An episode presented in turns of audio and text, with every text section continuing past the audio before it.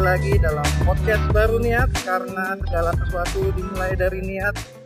Agak terbata-bata nih jadinya uh, ngucapin intronya podcast karena uh, apa? Udah lama nggak rekaman. Alias uh, tema yang mau gue bahas itu kayaknya terkutuk banget lah ya. Antara gue yang nggak punya waktu untuk ngerisetnya atau emang sih tidak menarik itu sehingga gue nggak melakukan risetnya sama sekali tapi akhirnya jadinya nggak kerekam gitu. Itu aslinya mau jadi tema episode 29 kemarin kan. Ngomongin soal uh, apa kebiasaan meninggalkan belanjaan dalam keranjang gitu. Pada akhirnya uh, ngebaca ngebaca. Maksudnya bukan ngebaca ya browsing browsing ternyata artikelnya banyak. Artikelnya ada dua bookmark tapi akhirnya belum dibaca sama sekali. Dan malah ngomongin soal apa kemarin kita tuh? Oh, ngomongin soal investasi ya Oke lah, dan sepertinya di episode ini masih nge-skip lagi nih karena belum sempet. Jadi gue pakai episode ide cadangan, yaitu kita akan ngomongin soal angkringan. Kayaknya udah lama banget di podcast ini kita ngom uh, ngomongin makanan ya. Baru di episode berapa tuh terakhir kita ngomongin makanan? Nah, untuk kali ini episode 20 30 ya, episode 30 kita akan ngomongin soal angkringan dan episode soal belanjaan nanti di episode kita tuh aja lah. Ya namanya juga amatiran. Nggak ada nggak ada kontrak jadi ya nggak ada deadline. Ya begitulah jadinya. Oh, nggak konsisten. Tapi ya kembali ke ngomongin soal konsistensi ya seperti yang gue bilang kan kalau kita nggak melakukan sesuatu dengan konsisten nanti jadinya malah males. Jadi ya mau harus diperbaiki. Nggak bisa seperti ini terus. Oke untuk episode 30 ngomongin angkringan kita uh, mungkin nggak hanya di Pontianak sih mungkin di kota kalian juga sama. Kayaknya sekarang itu makin banyak makin menjamur uh, angkringan di kota gitu. Dan dan rame gitu loh. Kayak di Pontianak ini dulu yang namanya nyari angkringan tuh susah banget. Awal buat sini tahun 2018 angkringan gua tahu cuman satu dua tiga empat empat angkringan yang dekat rumah yang di rumah kosan yang lama terus yang ada di jalan salah satu jalan yang biasanya ngomongin dulu sih kayaknya sepi sepi aja sekarang tuh udah jam setengah delapan tuh udah habis semuanya. Sudah laku keras kan? Terus ada angkringan satu lagi deket di, uh, di dekat satu jalan juga. Itu uh, pinggir jalan. Satu lagi ada yang favorit kami yaitu karena mbak penjaganya masih muda dan uh, cantik. Mahasiswi kayaknya. Memberikan motivasi lebih untuk ke sana meskipun parkirnya agak mahal. Kami uh, parkiran mahal. Dulu sedikit. Empat lah. Dan yang makan tuh nggak terlalu banyak. Cuman kalau tahun 2020 tahun 2021 ini sepertinya angkringan tuh makin menjamur dan tetap ramai gitu loh. Kemarin juga waktu gue pulang ke Bandar Lampung juga sama. Angkringan tuh rame gitu loh. Bahkan kalah e, nasi goreng dibandingkan angkringan. Sekarang yang lebih rame tuh malah kebanyakan e, angkringan. Cuman tetap nomor, satu e, yang street food ya istilahnya. Makanan pinggir jalan yang terlalu rame Lamongan. Lamongan gak ada yang lain tapi sekarang nomor duanya bukan nasi goreng tapi angkringan. Bahkan kayak yang roti-roti bakar tuh nggak ini sih nggak begitu nggak seramai dulu lagi gitu. Kalau dulu kan ngantri-ngantri gitu kan dulu itu sekarang tuh udah ya biasa aja gitu. Banyak kursi-kursi yang kosong. Angkringan yang malah ramai oke sebelum kita ngomongin soal fenomena itu dan analisa apa analisa analisa amatir lah. Kenapa bisa begini bisa ramai kita ambil sejarahnya kan. Sejarah ini bisa kalian dapatkan di dengan mudahnya kalian dapatkan dari browsing di internet ini adalah pencapaian gue 15 menit jadi ya mungkin nggak terlalu fokusnya. Cuman kalau, kalau kita ngomongin soal sejarahnya angkringan itu katanya dimulai di Jogja. Orang Jogja. Angkringan tuh katanya dulu yang pelopornya tuh Tarso kalau nggak salah. Dia itu dulu katanya kerja sama orang temennya Solo terus di Sangaringan namanya dia tuh kayak apa ya? Dulu mencari nafkahnya itu dia jualan. Jualannya itu pakai apa? Yang pikulan itu loh pikulan jualan namanya tarikan dulu. Tarikan itu tuh kayak apa ya? Kayak kayak gulai kali ya. Makanan bersop berkuah berkuah terus lauknya tempe atau daging gitu kan. Terus jualannya pikulan ceritanya itu gitu di desa Ngaringan lalu dia mulai berinovasi. Jadi katanya dulu tuh orang tuh kalau jual makanan tuh cuman makanan toh makanan doang. Dia mulai berinovasi dengan menjual juga minuman gitu. Jadi dia masih, masih pikulan tetap cuman uh, sekarang pikulannya bawa dua makanan sama minuman. Dan itu mulai ramai katanya dia katanya mulai mengajak uh, tetangga-tetangganya untuk melakukan untuk melakukan hal yang sama. Maksudnya jualan juga gitu loh. Makin rame makin rame terus uh, katanya mulai berinovasi lah. Jadi kayaknya cuman makanan dan minuman kurang. Jadi dia mulai bikin lauk-lauk kecil gitu. Mulai dibungkus benar terus tambahin itu tambahin makanan-makanan jajanan pasar gitu. Terus ada sate-satean yang saat itu mungkin nggak banyak orang yang jualannya di di pikulan gitu kan. Pada di warung atau di mana di tenda-tendaan mungkin kalau misalnya ada tenda dulu. Ya cuma gitu aja statis nggak bergerak. Tapi ini orang pikulan terus dia jualannya ada banyak gitu. Lama kelamaan uh, uh, makin rame terus ada dia mulai yang bikin namanya nasi kucing. Jadi angkringan sama nasi kucing tuh gak bareng uh, lahirnya gitu loh. Jadi waktu ketika angkringan ya pro, pro apa ya uh, prototipenya angkringan itu ada uh, nasi kucing tuh belum belum terpikirkan untuk dijual di angkringan gitu. cuma jualan apa ya lauk-lauk aja lah istilahnya. Itu kan lauk jajanan minuman itu. Makan masih makan besar itu kan yang tarikan tadi tuh. Lalu mungkin uh, salah satu penjual bukan Bakarto sih nggak tahu di, di sumbernya tidak menjelaskan siapa. Mulai dia bungkus-bungkusin kecil nasi gitu kan. Dengan lauk dengan lauk atau dengan apa dengan tempe gitu jadilah nasi kucing. Dan ternyata itu lebih lebih populer dibandingkan tarikan gitu. Karena mungkin karena kecil-kecil gitu kan orang tuh bisa mengatur porsinya sendiri. Sementara kalau tarikan kan udah porsinya kan sudah fix gitu sepiring gitu piring pakai kuah pakai uh, pakai sayur gitu kan. Mungkin ada beberapa orang yang sukanya keringan mungkin. Ya enggak ini motor ereking luar biasa musiknya mungkin dengan nggak mau kuahan terus dia bikin nasi nasian oh, malah orang suka gitu. Dan pada akhirnya meng mengalahkan pamornya tarikan tersendiri. Malah orang nyari uh, angker angkringan tuh uh, prototipe angkringan tuh adalah membeli nasi kucing gitu zaman dulu semuanya adalah apa pikulan makanya namanya angkringan tuh katanya angkring itu berarti ada sesuatu yang dipikul gitu kan jadi bukan dari nangkring pak, angkringan tuh bukan dari nangkring gitu. Gua selama ini sebelum melakukan riset kecil-kecilan ini, gue berpikir angkringan tuh karena kita nongkrong nangkring gitu kan. Oh nangkringan berarti ini tempat orang biasa ngumpul-ngumpul gitu. Ternyata bukan.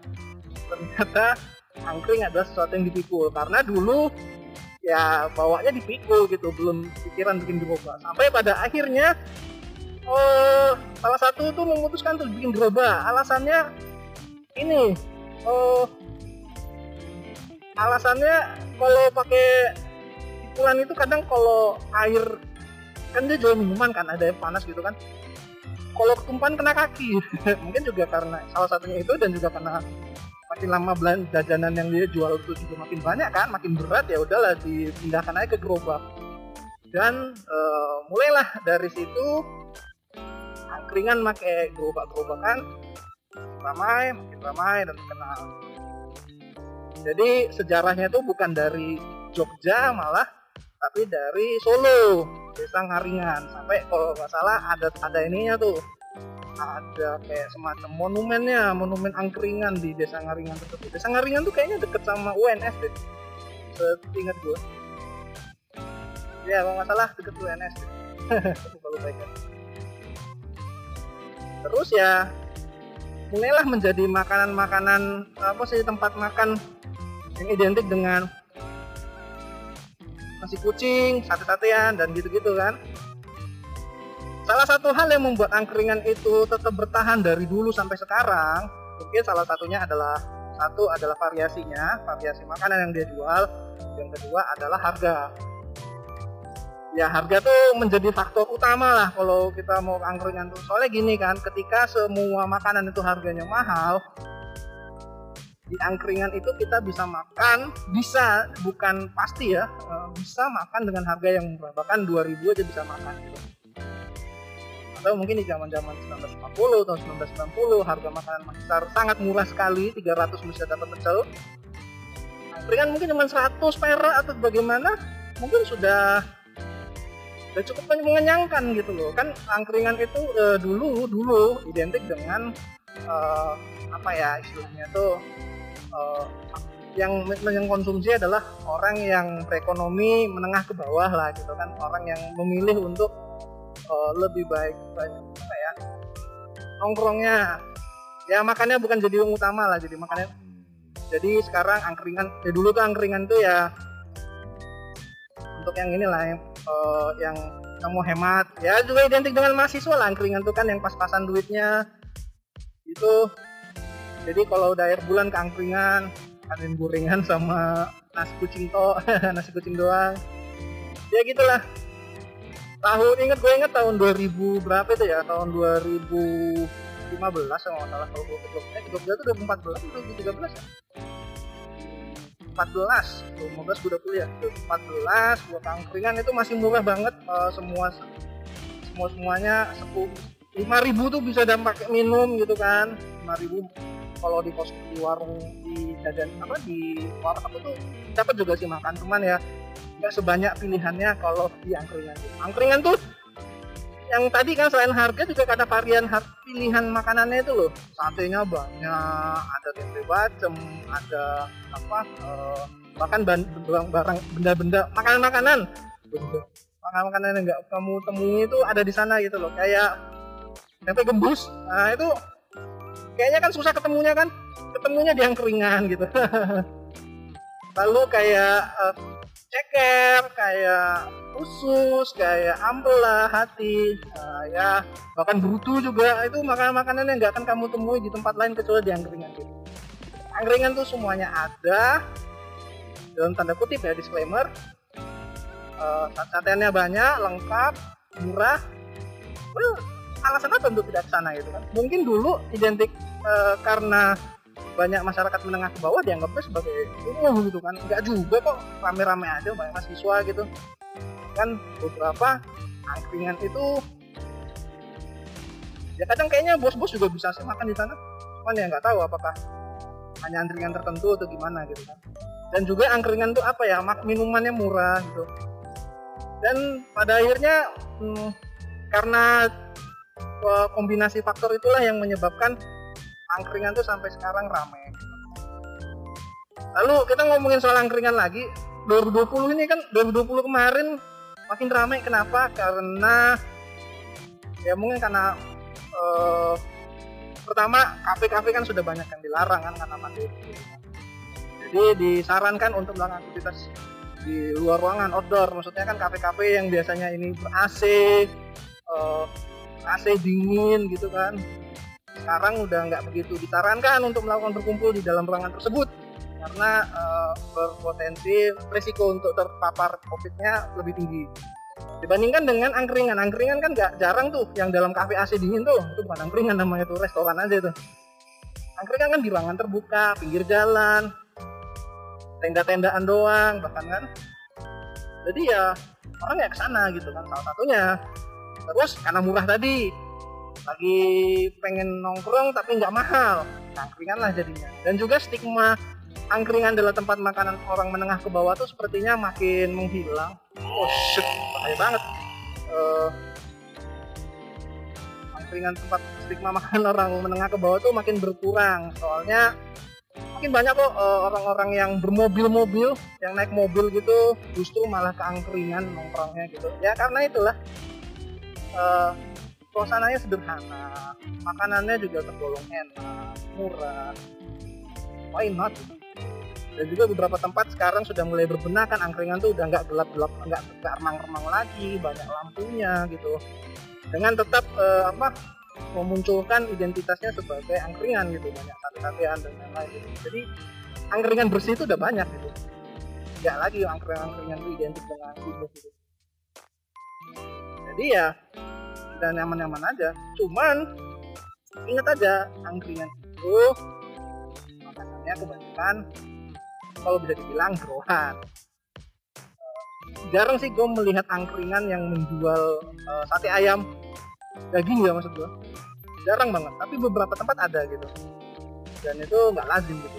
Yang lebih lazim adalah sus kulit ampela jantung ceker leher. Barang-barang yang nggak pernah lu lihat itu keluar semua sana tuh. Dan karena dibacem ya jadi rasanya tetap enak gitu kan nggak ada amis nggak bau gitu. Jadi orang nyaman enak menikmatinya. Jadi di gitu. Murah enak cuman ya? Tadi jaga kolesterol karena karena kolesterolnya tinggi pak. Lalu angkringan tuh identik lagi dengan susu apa dengan wedang jahe ya. Gua belum dapat riset lebih soal wedang jahe, tapi sepertinya itu kenapa banyak dijual di angkringan yang pertama uh, itu adalah bahan jahe adalah bahan baku yang murah. Angkringan itu juga kebanyakan dijual yang malam hari kan. Jadi mereka menjual eh, minuman-minuman yang memberikan kehangatan pada tubuh pada badan gitu. Jadi ya salah satunya ya wedang jahe gitu.